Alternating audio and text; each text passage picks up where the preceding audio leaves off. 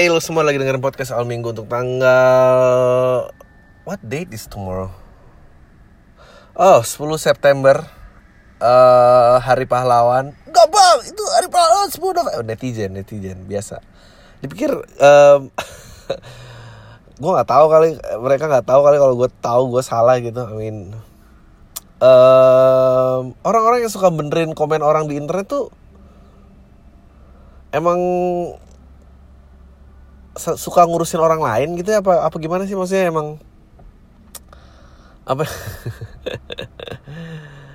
Lu nggak punya temen kalau lu nggak punya temen terus lu tingkah laku lu suka benerin orang di internet ya lu mesti bisa tebak kenapa lu nggak punya temen sih. Karena itu annoying sebetulnya. Kadang orang salah tuh ya dibiarin aja salah maksudnya ya orang tuanya aja nggak bisa ngubah apalagi lu maksudnya kenapa lo harus merasa berkewajiban untuk eh, eh, eh, ya you know I mean Em, ya susah susah susah punya teman kalau lu doyannya ngebener orang lain. Eh, apalagi em, dan lu bukan yang paling kaya dalam geng lo maksudnya ya lu bukan yang bawa mobil jemput jemputin orang. Lu bukan lu yang suka dijemput juga. Aduh udah nggak ada harganya dalam pertemanan. Em, gue tuh lagi mikir bahwa gue tuh lagi kepikiran bahwa em, kata siapa harkat dan derajat semua manusia tuh sama gitu ya. Eh, menurut gue sih ya beda-beda gitu tergantung gue inget temen gue lahirnya tuh gue nggak tahu gue udah pernah cerita ini apa belum ya. Em, lahirnya itu 31 Desember. Em, dan ya dia nggak sepenting itu jadi dia bikin acara selalu em, ngajakin orang untuk pesta ulang tahun di malam tahun baru.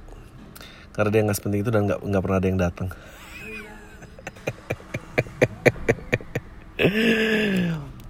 Dan yang keren dari dia adalah eh, dia nggak kapok. Eh, dia melakukan ulang tahunnya tiga tahun berturut-turut dan tidak ada yang datang sampai akhirnya tahun ketiga gue nggak gue nggak tega gue bilang eh you know I think kita harus datang loh. Kita harus datang Eh, dan kita datang dia lagi motong kuenya sendirian sambil nangis dan kayak enggak aku nggak nangis kok nggak apa-apa nggak aduh kasihan banget. Em, iya gitu aduh motherfucker lah ini gede deh pasti rekamannya. Ya gitulah Em, Iya jadi memang nggak tahu ya. eh lately eh banyak yang mengemail gua. Gue sih sebetulnya udah curiga begitu gua membuka podcast ini. em, banyak orang-orang yang merasa alone gitu, eh, terus jadi punya temen gua. eh ya sih gue sih bakal mau ngasih tau aja, ya gue bukan temen lo juga. gue nggak seolah-olah bisa membaca pikiran lo enggak.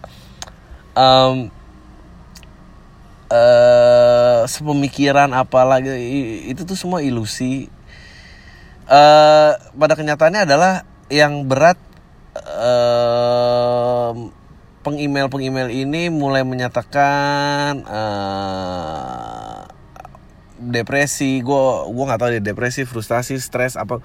Gue nggak tahu tingkatnya eh, seberapa gitu. Em, eh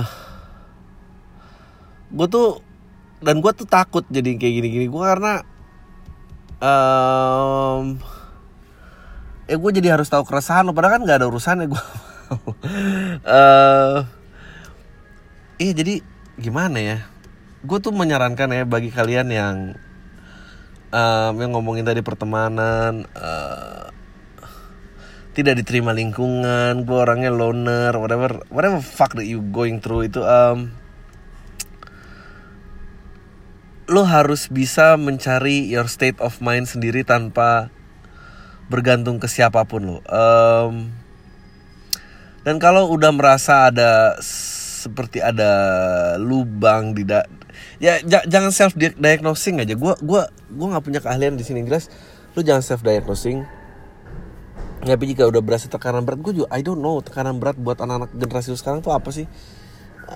Aku like balik dia nggak like aku balik. um, gue nggak tahu apakah itu takarannya uh, I don't know like masa gue SMA masa gue kuliah tuh udah nggak bisa di compare dengan apa pun yang lo pengen sekarang atau atau masa kerja. Bahkan masa kerja gue nggak bisa gue compare dengan kalian. Um, gue tidak sibuk dengan nggak tahu ya coworkers ya temen di kantor aja gitu. Maksudnya paling dulu minta pin BlackBerry gitu ya uh, mungkin ada Twitter atau at Facebook tapi kan Facebook juga nggak seintrusif itu um, so nggak diterima tuh nggak pernah menjadi soal buat gue uh, gue tidak punya masalah di tempat situ. Uh, oh kembali lagi tadi kalau kalau jika merasa sudah ada lubang dan tiga hari kayak susah kayak lo mendingan konsultasi ke psikolog sih. Uh, gue nggak gue gue nggak tahu ya maksudnya ntar lu bunuh diri lagi maksudnya gue nih udah mulai takut nih gue gue jadi ingat itu uh, video klipnya Eminem yang fans gila itu loh yang dia nyurat akhirnya dia nenggelemin istrinya. Dia bunuh diri sama istrinya sama anaknya gara-gara nggak dijawab jawab um, lu kan lu kan gitu kan generasi anxious gitu kan generasi yang bingung jika dihiraukan. Pak masalahnya itu problem kenapa dihiraukan jadi menyakitkan tuh karena lu diberikan feedback bahwa lu tuh lagi diignore itu sih yang bikin gila sih menurut gue kayak ada lasin lah atau udah dirit atau apa sih. Uh, dan lu harus tahu bahwa dari awal lu harus main dengan mindset bahwa nggak semua orang lo pengen berhubungan dengan lo beneran not even gue gitu. Maksudnya uh, kalau lo ngerasa bahwa eh gue bisa berhubungan uh, gue anaknya kayaknya asik. Uh, maksudnya itu itu interpretasi lo sendiri gitu. Uh, lo harus bisa mencari cara untuk um, ya keterima kerja dan segala macem gitu. Uh, keterima, keterima kerja. Maksudnya lo diterima lingkungan karena lo lo jago melakukan sesuatu sih. Menurut gue itu udah paling cara paling ampuh deh untuk diterima lingkungan. Um, kalau misal lo emang orangnya aneh banget tapi jago akan sesuatu gue paling enggak ya lo dimanfaatin akan sesuatu itu. Tapi gak apa-apa. Gue gak tahu deh kenapa sih kalian kayak gini banget. Butuh nyesel dong kalau kalau udah kayak gini, bikin podcast. Um, ya I guess uh, gue nggak tahu ya. Depresi gitu kan uh, kata uh, kayak ah psikopat depresi itu kan kata-kata yang gampang banget um, dilempar-lempar gitu yang um,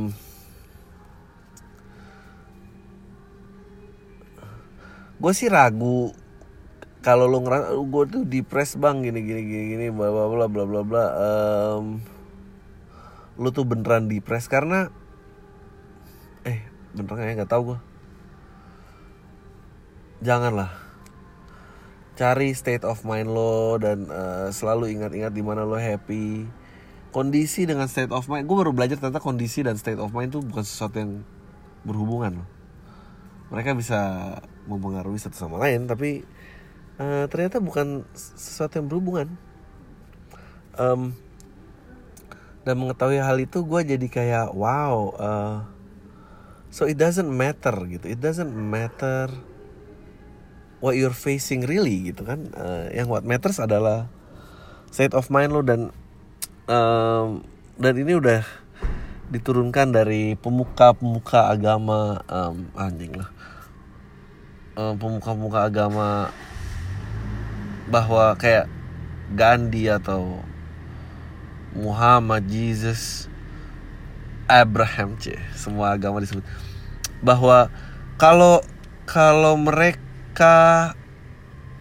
state of mind mereka dipengaruhi oleh keadaan yang mereka lihat, mereka nggak akan bisa menjadi apa-apa. Karena mereka pasti udah stres gitu. Maksudnya, misalnya uh, Siddhartha Gautama, Siddhartha nih bukan Gandhi, Siddhartha Gautama uh, ngelihat India gimana gitu terus. Tapi ya dia tersenyum saja melihat ini. Maksudnya ada balance otak di mana dia bisa mempersif kenyataan dan dia uh, hidup di happy state-nya dia gitu. Uh, tapi bukan denial gitu um, bukan seorang uh, apa tuh namanya?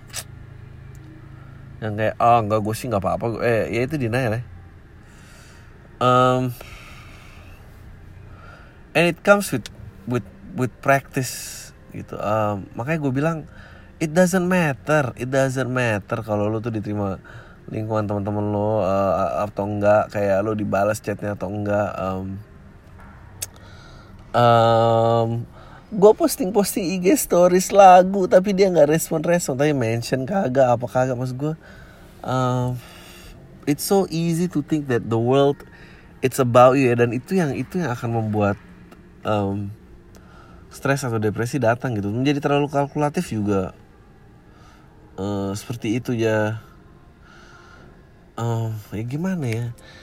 Coba olahraga gitu maksudnya kalau lu nggak sanggup menggerakkan dari pikiran gitu untuk mengangkat stres lu, lu harus harus bantu badan lo bantu dengan badan lo dan segala macam uh, I don't know man you guys are uh, ya gue baru dapetan email dan ya gue nggak bisa cerita sih tapi ya you guys are young and and life is hidup tuh panjang loh. Men gue tuh tiga empat aja berasa tua gue kadang-kadang kayak men bokap gue aja 60 ya hampir 70 gitu dan gue kayak fuck lah ini baru setengah jalan men. Ini hidup harus berapa jauh lagi? Maksudnya gimana lo yang belasan dan 20-an gitu? Makanya dong mabuk-mabuk enggak deh. Uh, ya ini uh, gue mau nggak tahu sih mau ngomongin apa lagi. Um, oh oh oh oh oh oh oh, oh gue tau gue tau gue tau uh, white ini lo pasti bangga deh akan akan progres podcast gue dan gue harus persembahkan kepada kalian semua um, Uh, pokoknya kalau buat kamu uh, yang membutuhkan internet fiber optik buat di rumah, silahkan saja install XM XL HomePow. XL HomePow, XL HomePow. Harus tiga kali biar lo ingat. XL up to 300 megabit per second fiber optik untuk 300 ribu rupiah saja per bulannya. Uh, kalau install ini juga termasuk Android set top box untuk akses ke ribuan konten pilihan. Uh, jadi dia dia datang kayak ya Android set top box sih namanya. Uh, informasi lengkap dan kalau mau berlangganan uh, klik saja www.lebihpau.com www.lebihpau.com www.lebihpau.com uh, I think uh, kalau lo udah capek gitu ya dengan kabel um, atau lo ngandelin dongle sinyal selular, man, fiber optik lah is the shit. XL HomePod ya enggak nih anjing. Uh, lumayan lah ada adlibnya. Um,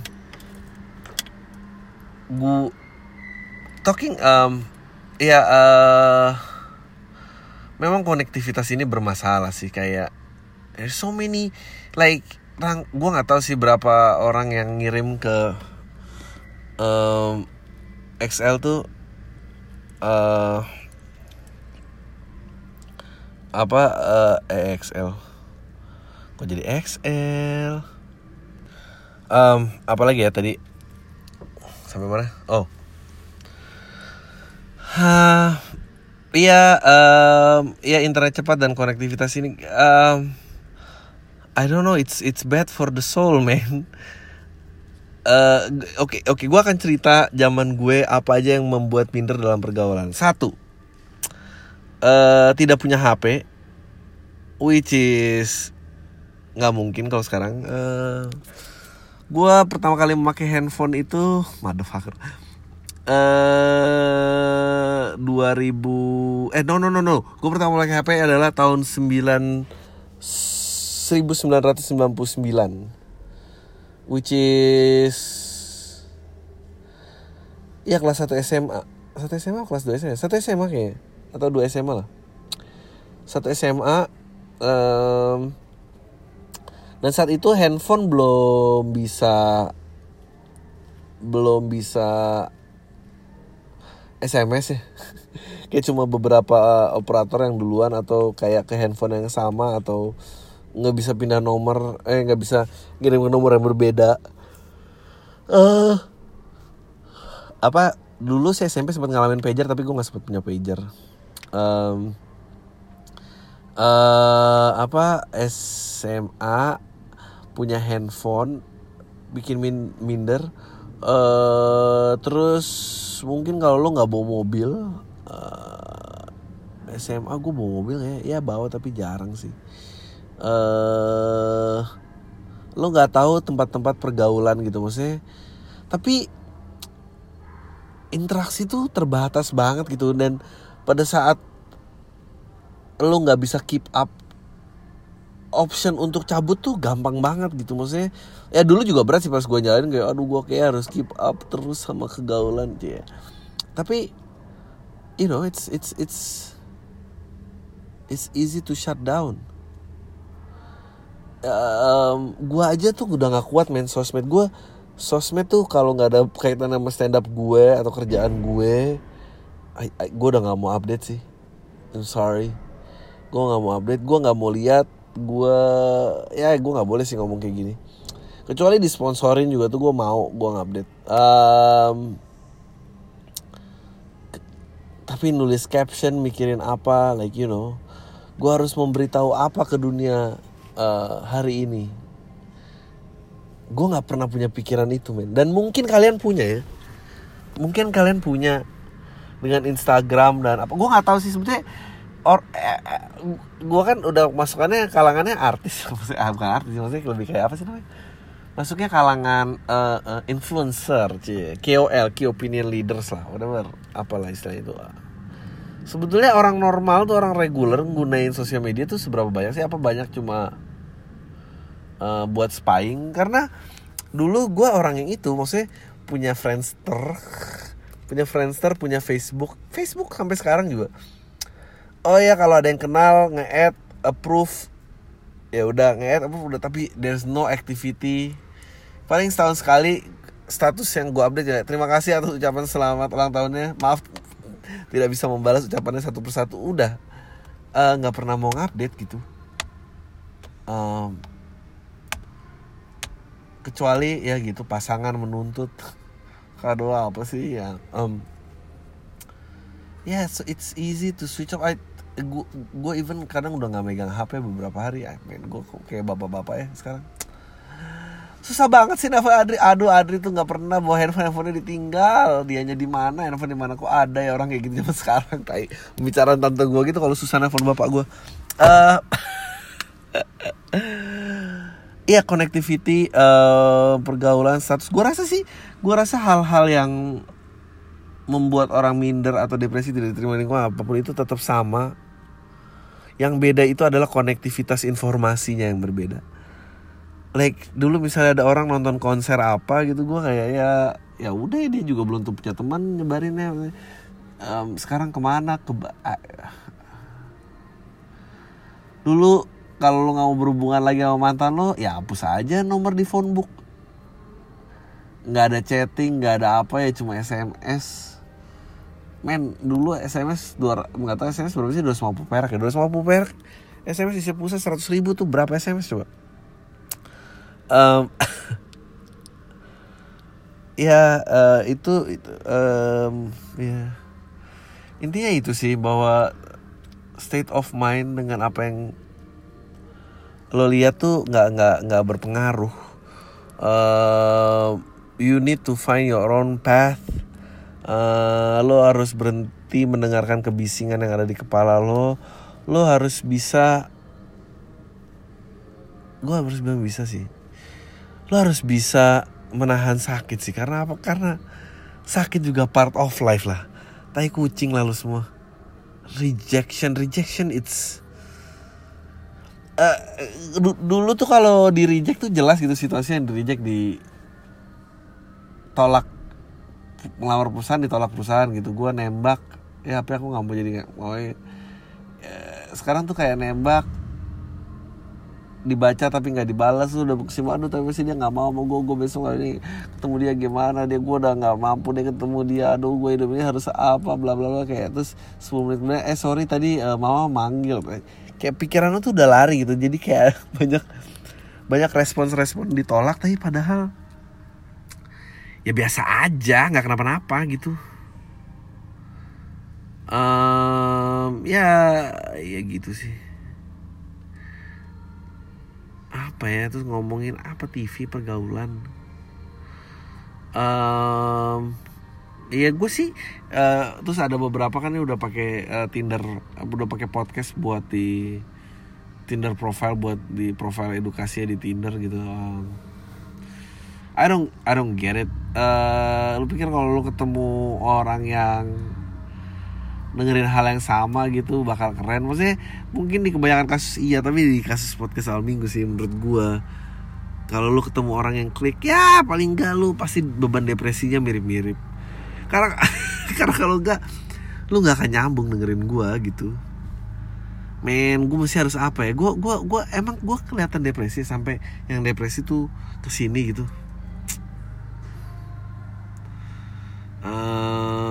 nggak tak sekarang kalau ngedeketin cewek gimana sih? Dulu tuh ada tuh kayak emang dia mau nggak naik mobil sih gitu.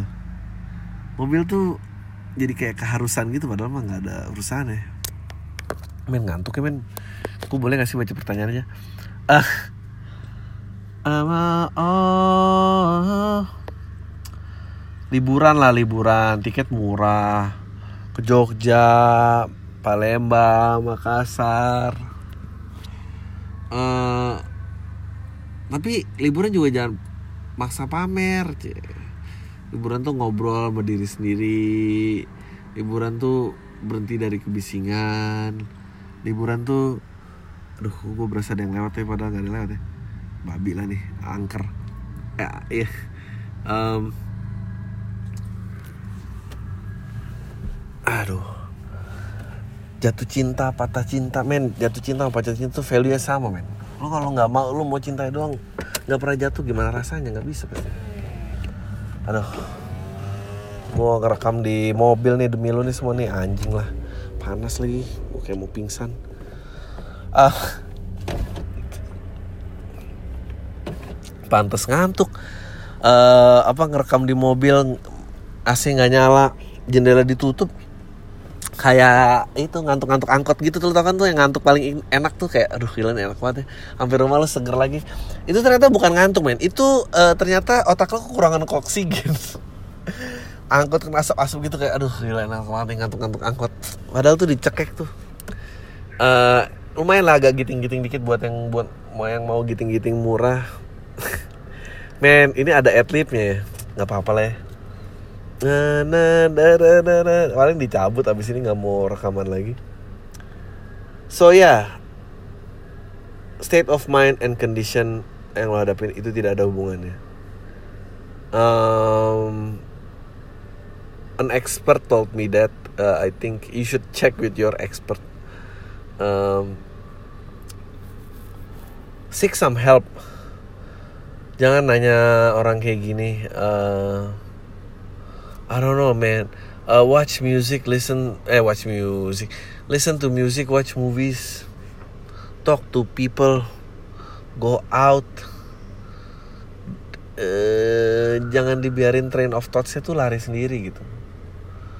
Train of thoughts tuh boleh dihandle kalau ya itu ada liburan lagi lo mau merenung apa gitu itu oke okay gitu tapi jangan jangan uh, kesimpulan di atas kesimpulan lo akan ah lu nangis sih. Ah gue bersyukur gue udah 34 kalau gue harus balik lagi ke umur lu gue nggak tahu sih harus apa. Uh, it will get easier kok. Life gue sih percaya life will get easier karena you know lu makin tua lu punya resistensi yang gimana. Uh, semua nih gara-gara ketipu.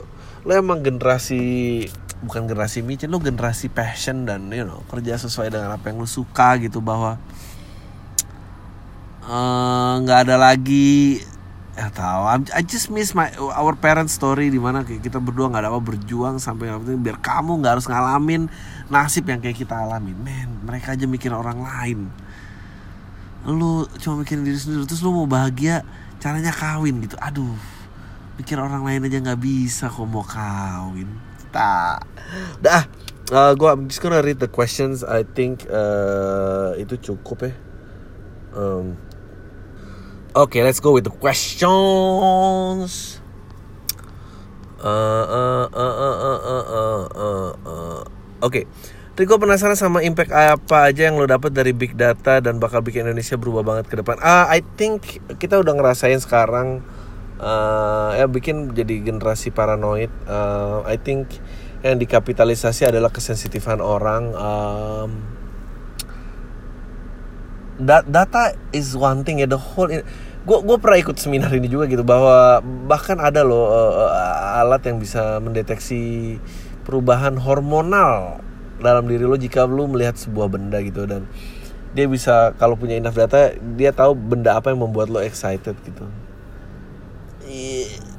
eh gue nggak tahu ya apakah data itu semua data yang dipelajari itu berguna gitu? Tujuannya buat apa? Apakah itu hanya useless information? Pasti perdebatannya berikutnya adalah ya there's no such thing as useless information. Lu cuma nggak tahu cara gunain di mana. Bla bla bla. Um, uh, gua rasa sih This is, this, ini, ini, ini, ini kenapa kenapa gue nggak pernah fit in sama demokrasi gitu kayak I don't think uh, bukan nggak boleh berpendapat tapi kalau lu akan ada big data yang masif, lu akan kelihatan wujud Indonesia yang sebenarnya. Dan guess what ya, lu nggak akan mau terima itu. Karena dan kita mulai mendekati muka yang sebenarnya yang kita punya bahwa bahwa kita tuh rasis, bahwa kita tuh uh, tidak mengimbas perubahan, bahwa kita tuh uh, ya fasis juga gitu rasis dan fasis gitu. Um, gue nggak percaya itu gue percaya bahwa ya keberadaan umat sih bukan umat masyarakat tuh harus dibawa ke titik yang lebih baik bahwa um, ya gue percaya itu sih jadi bukan masalah tentang jumlah atau mengetahui gitu um, dan seperti sekarang gitu maksudnya kapitalisasi dengan sensitivitas religi itu udah konyol banget sih menurut gue sekarang Oke, okay, you know, like Trump aja isunya kemarin menang gara-gara kampanye yang pakai big data dari analitik Facebook yang dikumpulin Cambridge Analytica. Ya, dan dan dan benar gitu narasi-narasi Trump tuh semua dihitung. I'm gonna build a wall, gonna make America great again. It's the same narration kenapa Brexit dan kenapa Indonesia hari ini. Same. Kembali ke faham puritan bahwa kita lah yang pure, kita yang mayoritas, the rest gak punya tempat di sini. Persis. Contohnya uh, menurut gue sih big data serem banget. Gue akun akun baru sosmed aja recommendednya teman IRL gue semua. Iya Indomaret aja yang gua tahu dia juga pakai big data buat nentuin promo. Contohnya di Indomaret pernah ada promo beli makanan anjing gratis teh celup ternyata dari analisa big data mereka orang-orang yang punya hewan peliharaan biasanya ngumpul rame-rame sambil ngeteh sama komunitas mereka. Ya yeah, insane. Kalau bin watching Watchdog 2 bahkan big data udah bisa ngeramalin orang dari bayi sampai gede apa yang bakal dilakuin selama hidupnya dan secara nggak langsung diatur sama government. Menurut itu bakal jadi nggak? Ah gue sih nggak tahu ya bakal se ekstensif itu apa nggak. Mungkin aja tapi nggak tahu lah. Kok gue lama banget sih satu email. Na na na na na na na Bang, gue adalah pendengar podcast lo baru berobrol by I know you since pertama kali jadi open rap Panji dan gue mulai suka stand up lo meskipun gue nggak sering nonton stand up. Oke, gue langsung tuh poinnya soalnya kalau panjang. Gue gue pernah pacaran sama mantan gue selama enam setengah tahun. Kita pacaran dari satu SMA sekitar 2011 buset. Uh, seperti hubungan lainnya pasti ada fase di mana dia mau serius sama gue gue merasa meskipun gue belum mau mapan tapi alhamdulillah pekerjaan gue sekarang udah lebih dari cukup untuk kebayang dua keluarga. Mantap yang jadi permasalahan awalnya adalah ketika dia baru lulus dari kuliah dan baru mulai kerja sekitar enam bulan dan ketika gue bilang mau ngobrol tentang hubungan yang lebih serius dia malah nggak mau. Dia bilang ke gue kalau gue dia lagi mau main-main aja. Yang mungkin karena baru kerja dan punya uang juga. Oke. Okay. ceweknya selingkuh nih gue tebak ya. Gue juga udah sangat serius sama hubungan ini bilang ke dia dulu waktu itu lu nikah pengen buru-buru gue nikahin tapi setelah gue kerja dia malah terkesan nggak mau terus. Akhir gue memutuskan untuk buat tinggalin dia meskipun nggak terucap kata putus atau pisah karena gue berharap dia minta maaf ke gue hah? Gila nih. Um, selama beberapa bulan gue mencari mencoba mencari sama untuk gue ajak serius and I never make it. Semua cewek yang gue deketin kayak selalu ada hal yang membuat gue ilfil mereka. Pernah ada yang mau serius tapi janda anak satu. And then setelah hampir satu tahun gue TBTB TBTB ini tebar pesona tebar pesona. Ngestok akun zoom atonya dia saking dia ngeblok semua akun sos sosmed gue gue lihat di Zoom dia ngepost sama cowok lain yang mungkin adalah pacar barunya. Mampus. Gue galau banget.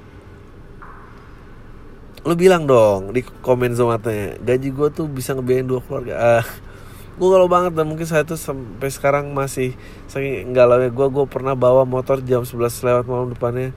Gue jalan sendirian ke mall yang sering dia datengin.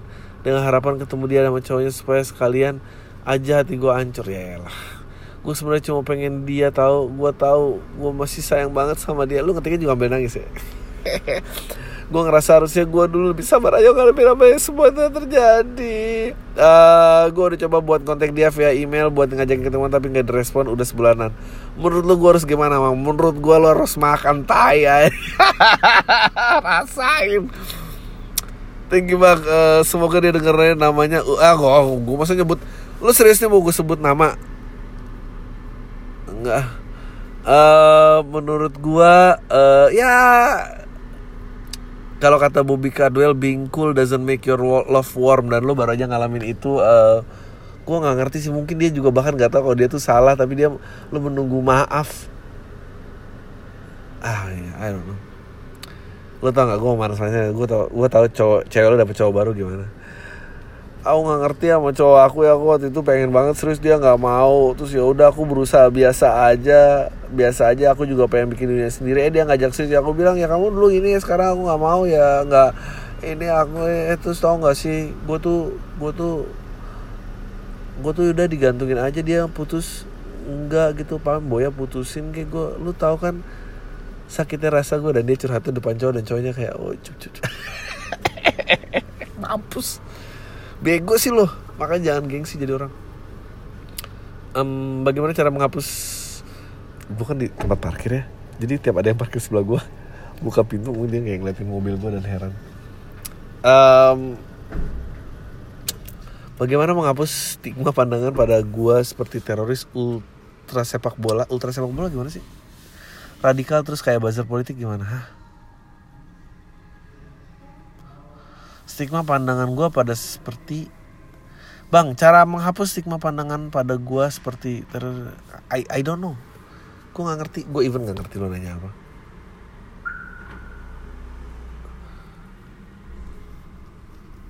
Uh, uh, langsung aja gue pengen cerita dua sahabat gue uh, mereka nggak saling kenal ini kayaknya udah gue baca oke okay mereka nggak saling kenal uh, suka sama satu cewek yang sama mereka ini sama-sama tahu curhatnya ke gue dong pokoknya yang tahu mereka tahu gue masing-masing satu hari malah penasaran gue iseng-iseng pengen tahu ceweknya kayak gimana. Gue lah ngobrol-ngobrol sama tuh cewek. Singkat cerita lama-lama cewek ini nyaman, nyaman dan jadi suka sama gue bang Gue tadinya juga be aja sama jadi suka sama cewek ini. Sementara dua sahabat ini masih email gue Gue sampai email ini gue masih berusaha dan hasilnya nihil jadi menurut lo gue harus gimana bang? Gue pengen jadiin dua, ini tetap sahabat gue. Ah telek lalu kalau mau ceweknya ya udah harus siap kehilangan perempuannya gimana sih? Kalau mau perempuannya lo harus kehilangan cowoknya. Udah, gue benci tuh lagu-lagu kayak oh sobat maafkan aku. Tai lah, nyesal punya teman tapi dimbat juga telek. Ah, Halo bang, uh, gue salah satu pendengar lama lo. Gue cuma mau komentar soal pendapat lo tentang hidup di dunia dua dunia menurut gue dunia pekerjaan dan passion menurut gue kalau hidup harus dari passion kita nggak bisa hidup dari passion karena jadi kita ini selama kerja kantor 9 to 5 sampai Jumat terus akhir pekan biasanya gue latihan band gue berkeyakinan kalau welfare kita aman kita bisa tenang dan lakukan apa yang kita suka benar setuju gue Lagian kalau dipikir bakal pusing juga kalau gue hidup dari passion sekian berikutnya. Gue tuh karya-karya lu berikutnya show lu di Jawa Timur. Terima kasih. Ya, gue setuju nggak penting men. Semua itu a job. Kalau dibayar tuh lo berarti nggak ngelakuinnya dari diri lo. Um, ya lo mungkin aja dibayar nggak lo suka tapi tetap aja namanya dibayar lo akan ngelakuin hal yang gak lo suka. Um, jangan sebut nama gue gue salah satu sarjana keguruan dari kampus negeri di Jakarta. Gue jadi guru pas lagi skripsian laptop gue diculik. Ah laptop diculik di kosan? Oke. okay dan semua data hilang semua hasil gue harus nyari duit sendiri buat bayar kuliah gara-gara gue telah lulus half pernah praktek ngajar selama enam bulan di sekolah negeri daerah Buaran dan gak dibayar sama sekali. Malah kita ngasih kenang-kenangan ke sekolah itu duit money. Kebetulan setelah gue bantu dosen urusan penelitian di Jambi ada satu lowongan guru sosiologi SMA Negeri Depok. Gue sikat karena butuh duit buat bayar kuliah. Sadis uh, juga ya kerja jadi guru honorer gue dibayar per jam 40 ribu. Dan itu jam mati bang Maksudnya gue ngajar 10 jam dalam seminggu. Ya dikali ya aja 40 ribu jadinya 400 ribu. Dan itu gaji buat sebulan tanpa dikali 4 minggu. Gue lama gawe di sana karena ada PNS yang kena mutasi fak lah. Udah gaji dikit ada PNS masuk. Honorer ya sampai kena depok karena jamnya pasti diambil sama semua PNS gue lulus dari kuliah gue lulus dari dua tahun yang lalu sekarang jadi karyawan bagian SDM oh nice nice hebat juga. Gaji jauh gila dari zaman honorer rasanya jiwa gue guru banget bang. Tapi rasanya jiwa gue guru banget. Sempat berapa kali gue lamar uh, ke sekolah gue cari yang bonafit. Nama sekolah nggak usah gue sebut. Nah yang pertama udah sampai wawancara tinggal nunggu hasil nyata nggak dihubungin lagi suwe gue coba di tahun berikutnya tes tulis tinggal nunggu jawaban wawancara. Selang beberapa minggu pihak sana ngasih jatuh kalau Rabu gue wawancara. Sedangkan hari Selasa gue OTW bola madu bang. Wek wek wek. Akhirnya gue pilih ke ML goblok. Di hotel sama bini dibanding karir di keguruan. Bener nggak bang? Nggak tahu gue uh, pas gue telepon nyokap dia malah minta gue balik ke Jakarta buat ikut tes. Katanya dia gue udah doain gue buat jadi guru lagi. Rada melo sih bang gue denger dia ngomong gitu. Tapi gue tetap milih ML milih di hotel gue durhaka enggak. Kan udah ijab kabul. Tai. Uh, baru ini gue coba lagi ke SMA swasta di Jaktim tai banget. Gue nawarin kerjaan buat sekajar sekaligus tiga angkatan dengan beban kerja 30 jam per minggu. Hah? Gak mungkin 30 jam per minggu ya mungkin kali ya. Dan sistem pakai jam mati ini lebih sinting sih. Mereka hargain per jam 15 ribu transport 20 ribu. Setelah di total gaji cuma satu jutaan. Dalam mati gue pantas guru yang dulu nggak balik lagi merasa robusa kali dia. Uh, gue nggak tahu men. Gue nih lucu apa karena gue udah kurang oksigen. Uh, menurut lo kenapa standar gaji guru masih ada yang terbilang pelit? Emang pintaran anak orang tapi susah kaya. Gelar sarjana jadi kagak ada harganya. Banyak temen gue bilang guru gaji guru mah kaya di surga karena banyak amalnya. Eh sorry sorry ya maksudnya jadi tukang gojeknya lebih untung. Lebaran gue mau nanya selama beberapa bulan ini gue sering banget nggak ada kerja di kantor. Gue harus ngapain bang? Udah berapa kali nanyain ke atasan gue atasan gue pun bingung by the way bagian desain mending stay nunggu cari kerjaan di sini apa emang tanda-tanda dari yang baru? Menurut gue cari yang baru sih. Ngapain di situ kayak orang gila? Ya nggak? Oke. Okay. Bang di Tinder kan ada yang nyantumin pendidikannya podcast selalu minggu. Mungkin pertanyaannya bang uh, Apakah mungkin seleb Twitter bisa ngewe sama followers lewat preferensi podcast? Apa yang dia dengerin? Uh, Gak tau bisa kali. Gak tau gue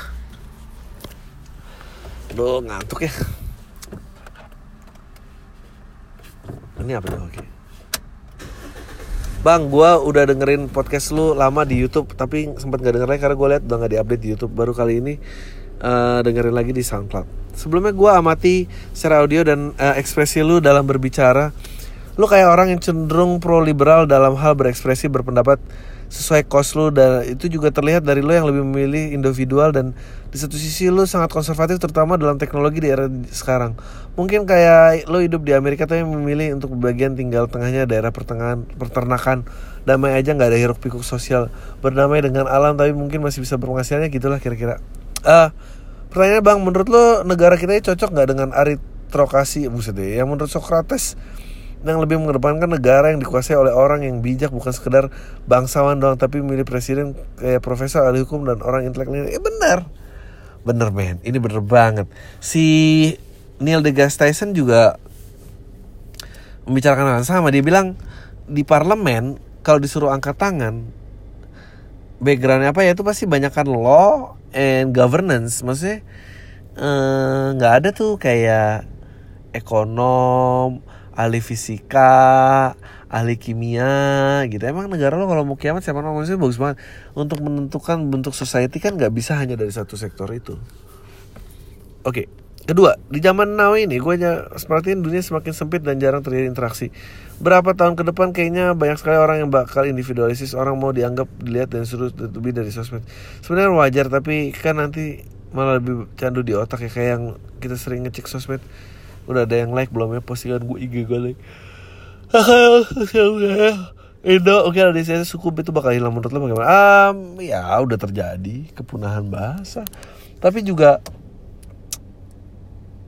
gue sih selalu sedih kalau ada sesuatu yang hilang tapi bahwa faktanya perubahan itu harus terjadi dan nggak bisa semuanya dilestariin jadi ya nggak tahu lah ketiga lo pernah bilang uh, satu negara ada faktor-faktor penting yang harus dimiliki seperti pangan sistem pendidikan keamanan dan sarana kesehatan. Dan menurut lo hal urgent apa yang harus dilakukan pemerintah dalam menangani ledakan penduduk? Kalau seandainya ledakan penduduk berbanding terbalik dengan faktor di negara yang di atas itu gimana ya? Itu dia ya. Mesti waktu itu ada yang ngejok ya Indonesia mau uh, pemerintahannya itu PT tahu perseroan terbatas bukan apa. Um, ya bener. Lah gue tadi baru nonton uh, Parts Unknown Anthony Bourdain di Singapura bahwa Singapura tuh menjadi tertiban bukan nggak bisa mencari demokrasi tapi lebih kayak ya kalau demokrasi itu buat apa? Kebebasan berpendapat maksudnya um, itu keren sih. Dia bilang kayak kalau emang gue bisa apa namanya uh, tapi dia berharap dia pengen ada ruangan lebih untuk berdebat sih gitu maksudnya kenapa ketertibannya harus hancur dengan uh, adanya pem, bukan pemberontak ada perbedaan pendapat gitu uh, dan gak ada tuh kedamaian tanpa sebuah pengorbanan yang berdarah tuh gak ada lo harus nonton Watchmen sih Ketika lo, oke okay, sorry banget ribet bang pertanyaannya kalau ya udahlah semoga moga lo ngerti maksud gue sisanya gue mungkin bisa ngobrol langsung thank you God bless. Salam, tak salam cebok bang. Masuk baik kok nggak ding. Uh, Oke okay, bang, nih uh, cerita dari dua sisi dari sisi cowok dari sisi cewek. Saya cowok sudah menikah dan sudah punya anak sekitar enam bulan yang lalu ada anak buah baru masuk. Dan karena kerja bareng intensitas ketemu untuk keluar kantor berdua itu sering jadi ada ketertarikan FA itu cewek juga sudah punya suami singkat cerita kita dekat dan terjadilah perselingkuhan tapi karena sama-sama tahu lah ini salah jadi dibuatlah semacam rus untuk pencegahan tingkat selingkuhan lebih tinggi pertanyaannya bagaimana caranya menyudahi hubungan ini? Aduh rasanya ya pengen menyudahi tapi kayaknya kalau sayang untuk disudahi tapi kalau dari hati kita tahulah kita salah dan. Saya cewek saya sudah menikah awalnya saya hanya tertarik dia karena dia siap ngobrol kita selalu nyambung lama-lama saya jatuh cinta dan bingung menghadapi situasi. Kita udah sering coba untuk menyelesaikan hubungan tapi semakin pengen di sini rasa hati semakin dalam. Bagaimana caranya supaya hubungan ini bisa saya tanpa harus menyakiti sama lain dan thanks for the advice. Try to understand both position. I ah, nggak uh, tahu ya. I I don't know man. I don't know. I don't know um, I, I don't know how to do. Gue pernah bilang uh, pernikahan itu eh, nggak uh, ada guide-nya gitu. Jadi uh, jadi orang tuh rasanya kayak kesasar. Tapi kayak kesasar di satu arah lu nggak bisa putar balik. You don't know how to do it but you cannot turn your way back. I I, I don't judge people. Uh, uh, gue rasa it's over when it's over sih. Cuma bisa berharap itu doang. Nggak kalau nggak mau nggak sakit ya jangan jatuh cinta lah. Ini yang kayak gini-gini nih gue bingung pertanyaannya. Udahlah udah pada gede juga. Share dong udah lama nih nanya pendapat. Numpung udah lama kejadiannya. Jadi gue pernah jadian sama satu cewek. Jadi sekitar satu tahunan lebih dikit selama satu tahun deket sama temen-temennya udah udah lumayan deket liburan mabuk bablas ml dan hampirnya sama-sama ada sedikit pikiran untuk langsung ke jejak yang lebih lanjut juga. Di satu kondisi gue udah nggak nyaman lagi lagi sama nih cewek karena overprotective parah dan gue nggak bisa bebas berkegiatan dan nggak bisa memilih kerja sesuai yang gue suka. Akhirnya gue berniat pengen udah nanya eh tapi pas di tengah konflik gue bilang mau udah dia malah datang sambil senyum senyum beliin makanan favorit. Kan bangsat gue udah nggak tega. Udah dibeliin masa dibalik akhirnya gue tunda dulu dia ngomongnya. Berapa bulan kemudian gue ngerasa nggak nyaman lagi dan gue pengen nanya serius. Nah keulang lagi senyum-senyum dan sambil beli makanan favorit. Ya lah kasih mah makanan favorit nih kalau seks gak apa-apa lah. Kalau emang cuma somai ya tuh putusin aja. Uh, anjir gue serius nggak tega. Akhirnya gue ngomong serius rasa tahun gue kecewa. Rasa gue makin gimana lah. Nah tiba-tiba gue keinget cara ngomongan dari podcast lu bang. Gimana caranya pasangan lo itu emang bener pasangan serius ke depan ya? Kira-kira lo sanggup nggak bawa kabur cewek itu pergi sama lo selama barengan selama kira-kira sanggup nggak? Kurang kalau sanggup ya berarti kurang lebih tepat. Kira-kira begitu isi podcastnya. Gue nggak inget gue pernah ngomong ini Uh, dan akhirnya gue ngerasa nggak sanggup bawa kabur nih cewek. Ngomong lah gue kita udahan. Pada akhirnya nah ketika gue bilang ke temen bos satu alasannya gue putus karena inget podcast lu dia bilang ya kok berdasarkan Adri sih di podcast? Anjir kocak brengsek juga ya lu kemarin putus ya. Nah menurut lu gimana bang? Nggak brengsek kan? Wajar sorry panjang enggak enggak enggak bagus kok menurut gue menurut gue uh, tidak kuat melanjutkan itu menurut gue uh, hal yang baik untuk menyudahi. Karena ada yang lebih parah loh. Maksudnya orang bisa berselingkuh orang bisa macam-macam Oke, gue pendengar lo dari Bandung nih email pertama gue. Gue mau tanya dong, lu pernah nonton film Lucy 2014 belum? Belum. Tanggapan lo gimana bang? Oh, obat dan drugs yang bisa ningkatin fungsi otak yang drastis seperti itu. Uh, kan lu juga ada ya, Limitless.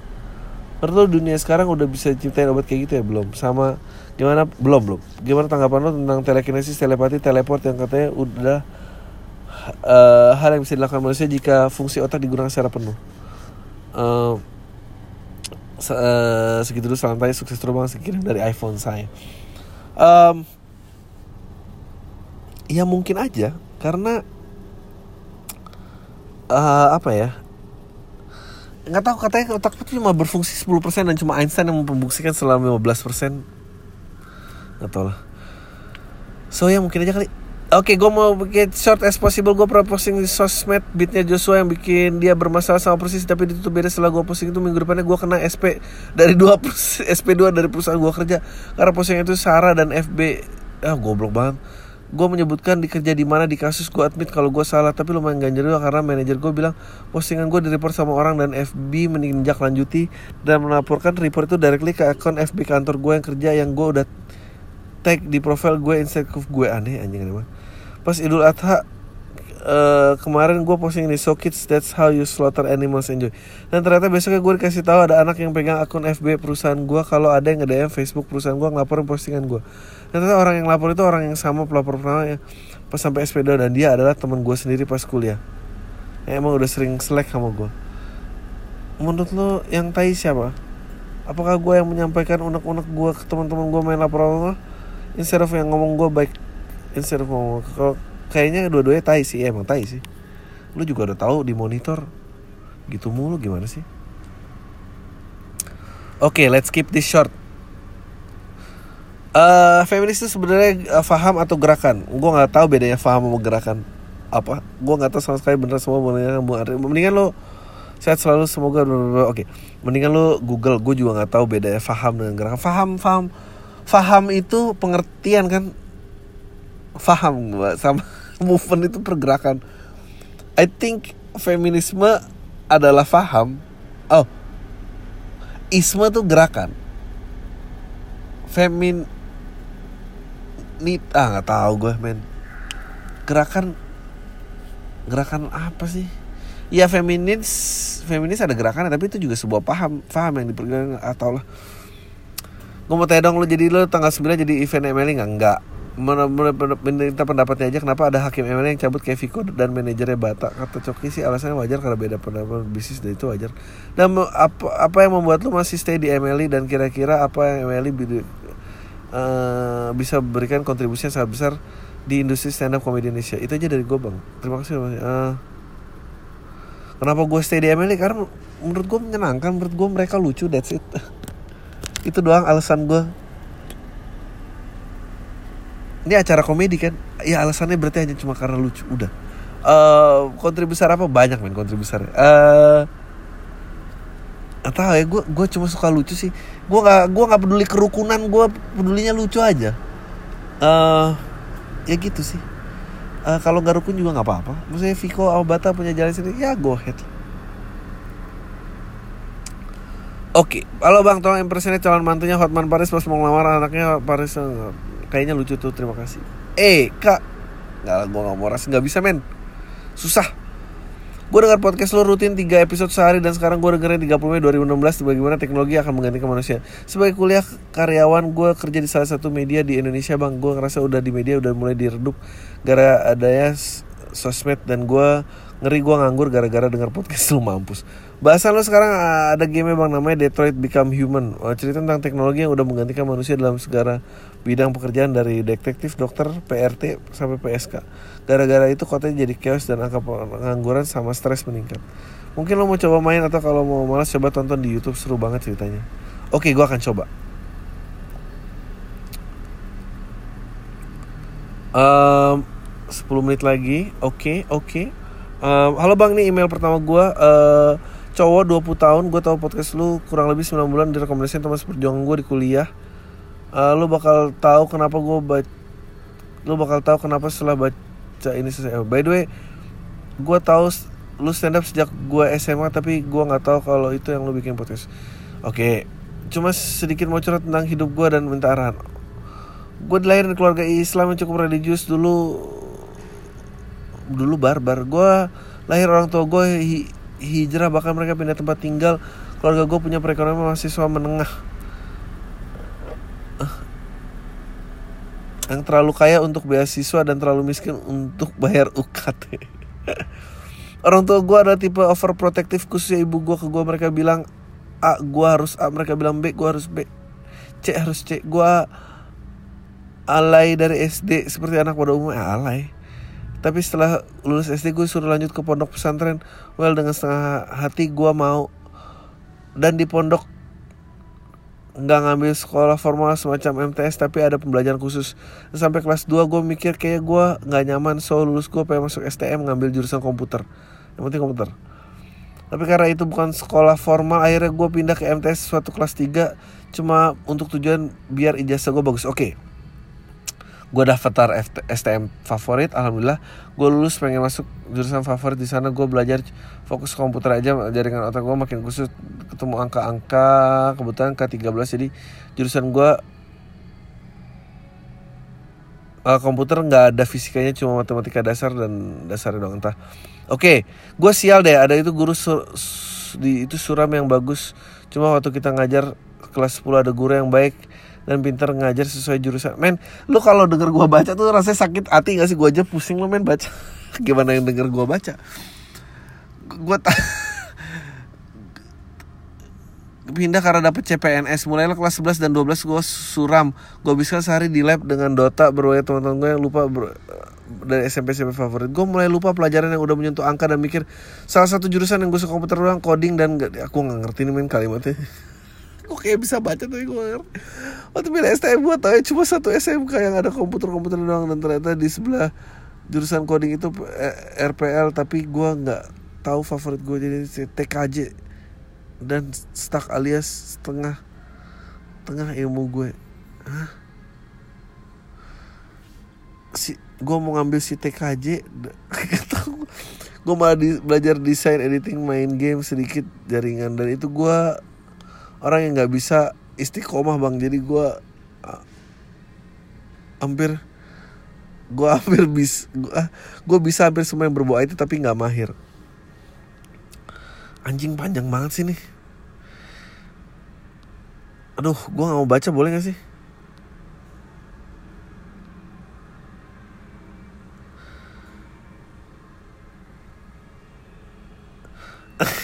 anjing nih dia nih gue gue gue mau baca ya bla bla bla bla. Terus dia cerita lah nih Oktober COI apalah segala macam. Panjang banget ini gue scroll 10 kali aja gak nyampe nyampe bawah nih di bawahnya gini. Maaf bang gue curhat panjang lah mungkin lu nggak ngerti gue minta maaf babi lah. Mantas gue tadi gue susah. Intinya bang gue nggak bisa bergaul banyak hal yang udah kamu dilakuin dulu usia gue bahkan sebelum di usia gue tapi gue baru ngerasain dan itu rare banget. Gue keluar malam sampai maghrib baru bisa saat gue baru lulus SMK pas SMK gue mentok pulang maghrib udah gue sakingnya diprotek dan akhirnya gue sadar gue nggak berkembang. Telat banget gue tahu dari orang-orang yang belajar dari teman gue dan cerita ada di podcast. Gue mau nanya di umur 20 biasanya udah ngapain aja mikirin apa berteman sama siapa aja ini. Ada anjing nih. Oke bang. Gue ketik ini lama karena gue susah menulis untuk bercerita maaf babi patut dari tadi susah banget dibaca. Oke Anjing Ini ada yang mau nyadur gak sih? Banyak banget loh ini. Apa terus apa sih? Gue struggle Mencoba mati darah Mencoba merasa empati. Entah kenapa gue kenal Gue Agar gue bisa bahagia sedikit bang. Ah. Aduh ngomong apa sih Bahkan 20 tahun hidup gue udah gak pernah pacaran bang. Gue gak pernah melakukan hal yang seharusnya di umur gue yang udah biasa. Lakukan Contohnya tadi sore gue diajak futsalan. Jujur gue gak pernah futsalan. Gue gak tahu harus ngapain. Karena olahraga gue cuma lari. Gue pun ke sana kemarin pinjam baru bola karena gue gak punya Walau gue ngikutin NBA dan bola. Eh ternyata gak sesuai ekspektasi futsal tuh kayak apa. Jadi imam sholat sama temen aja gue geter jadi imam buat teman gue aja gue geter. Gue pengen banget bisa kayak orang lain tapi ngomong aja ke setengah strange berat. Bahkan gue nyentuh titik terpengecut diri gue yaitu komplain makanan aja gue nggak bisa. Gue gak, gue gak pernah komplain makanan. Dan baik baik aja. Uh, yang gue bisa ke stranger cuma bilang makasih ke tukang parkir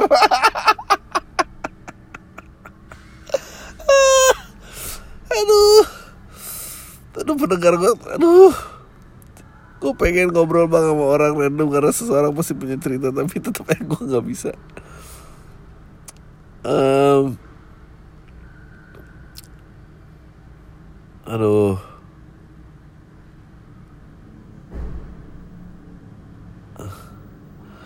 Aduh.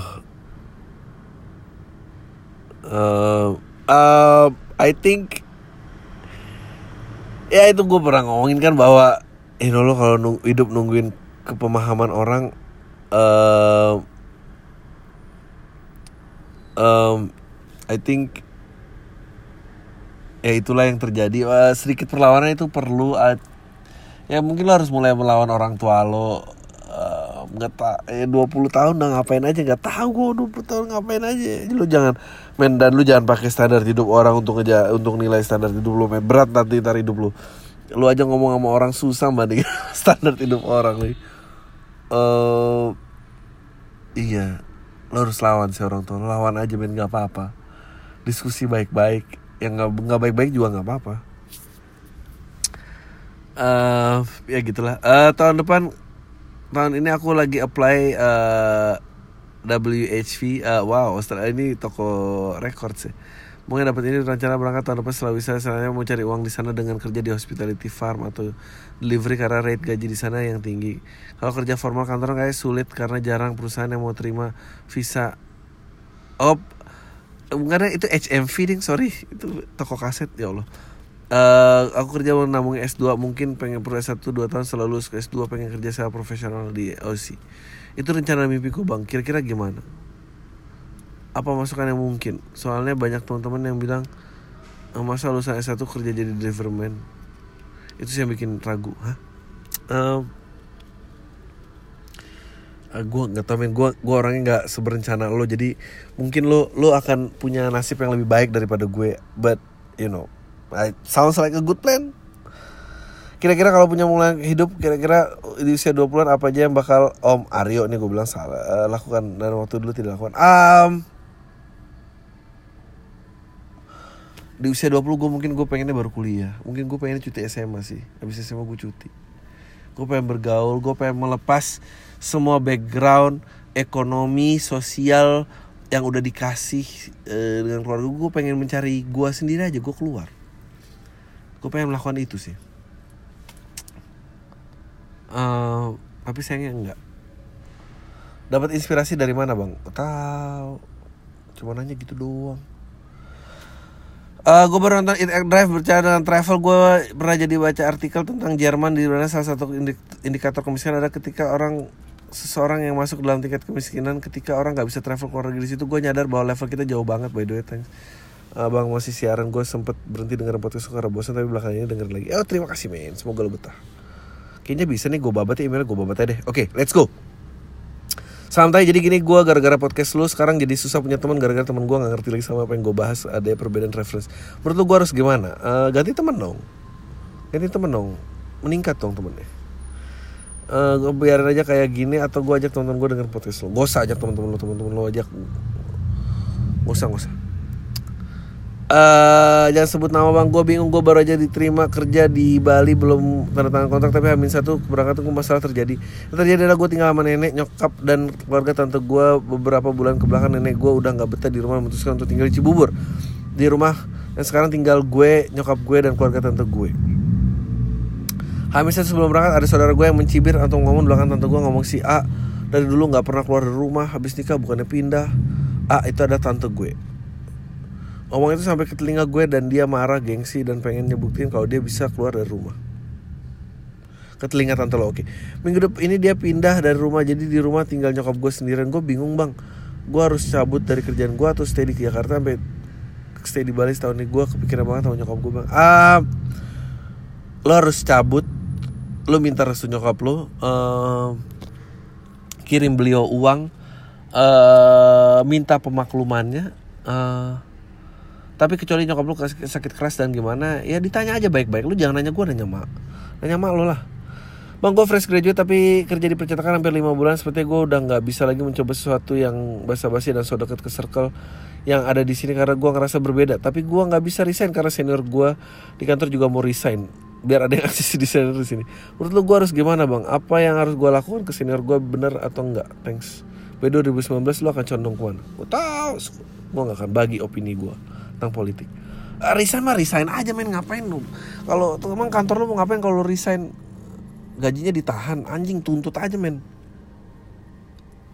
Gimana sih? Oke. Okay. gimana caranya kenalan sama mbak-mbak in Alfamart? Aja Uh, langsung aja bang ceritanya. Pulang kuliah gue aus mampir ke Alfamart. Ternyata Alfamart mbak-mbaknya cantik. Jadi gue ke Alfamart tuh hmm, Terus tiap balik kampus gue pengen kenalan sama Mbak Maya tapi malu bang.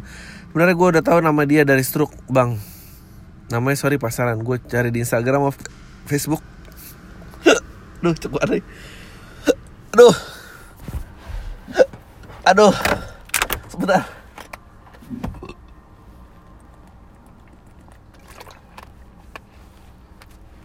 Uh.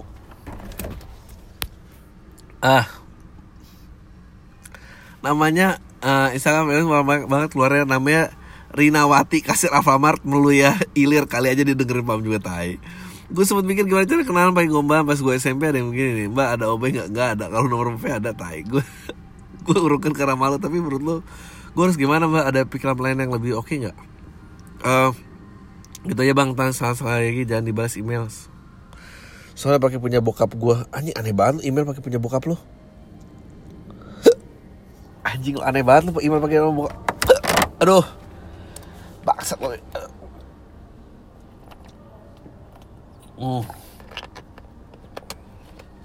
uh, menurut gua lu terus terang aja. Mbak saya udah berapa kali bolak balik mbak. Saya pengen kenalan. Boleh nggak mbak? Aduh. Oke. Okay.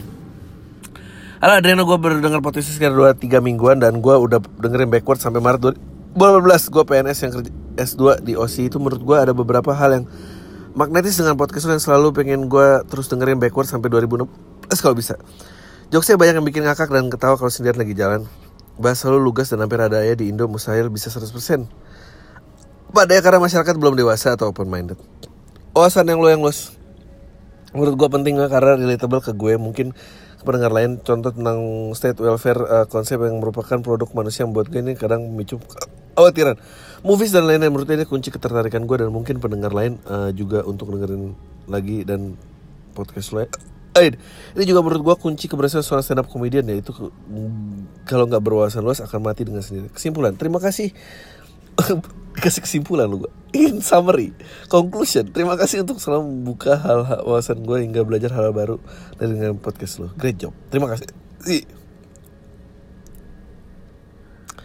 okay, dua lagi nih.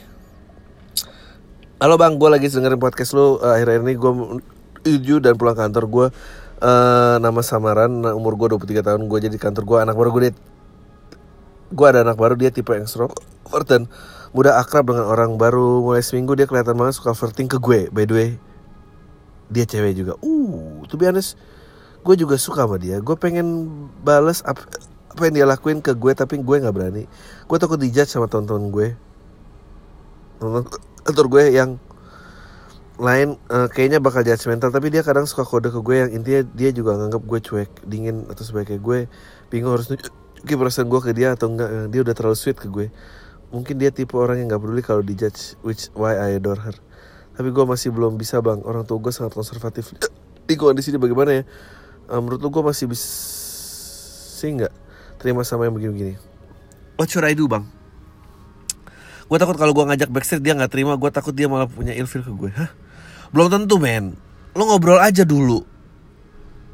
Ngobrol aja dulu. Kalau dia ngobrol ajak jalan and see how things goes man lo nggak perlu mikirin orang tua lo nggak perlu mikirin dunia ya lo nggak perlu mikirin orang kantor. Jadi rahasia aja nggak apa-apa men. Hidup nikmat dengan rahasia kok.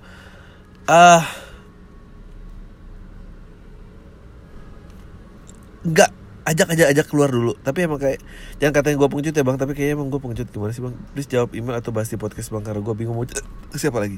Thanks sudah nemenin gue di jalan santai. Ajak jalan. Spend time nonton. Just be friends aja dulu. Um, and then eh, lu cerita lagi dong perkembangan karena gue penasaran. Please. Oke okay, last email. Motherfucker. Uh, sebut nama gue uh, saat ini gue gue honor gue di salah satu pemerintah di Cirebon uh, pegawai kerja honorer. Juga kelas kecil gak, gue jelas kecil bakal setengahnya dari UMR gue udah punya istri gue tinggal di rumah kakak istrinya gue dia bilang dia yang minta gue dan istri gue tinggal di situ karena suaminya kerja di Bandung dan jarang di rumah. Suaminya kakak istri gue sangat jauh dari lebih kaya dan sukses daripada padahal dia cuma lulusan SD sedangkan gue sarjana UMR aja nggak nyentuh. Nah akhir-akhirnya gue ditawarin jadi kerja jadi supir buat antar jemput kak, suaminya kakak ipar gue yang kerja di Bandung. Kerja cuma dua hari sih bang. Senin nganter Jumat jemput. Ya bang kerjaan cuma nganter jemput doang. Cirebon Bandung. Tapi upahnya jauh lebih besar dari upah kantor gue sekarang. 5 sampai tujuh kali lipat. Uh, jujur gue tertarik dengan itu. Selain upahnya menurut gue gede karena cuma nganter orang tinggal serumah. Rasanya bukan kerja. Tapi masalahnya kalau gue resign dari kantor gue gue malu bang. Ntar ditanya sama temen jawabannya apa? Jangan resign dong.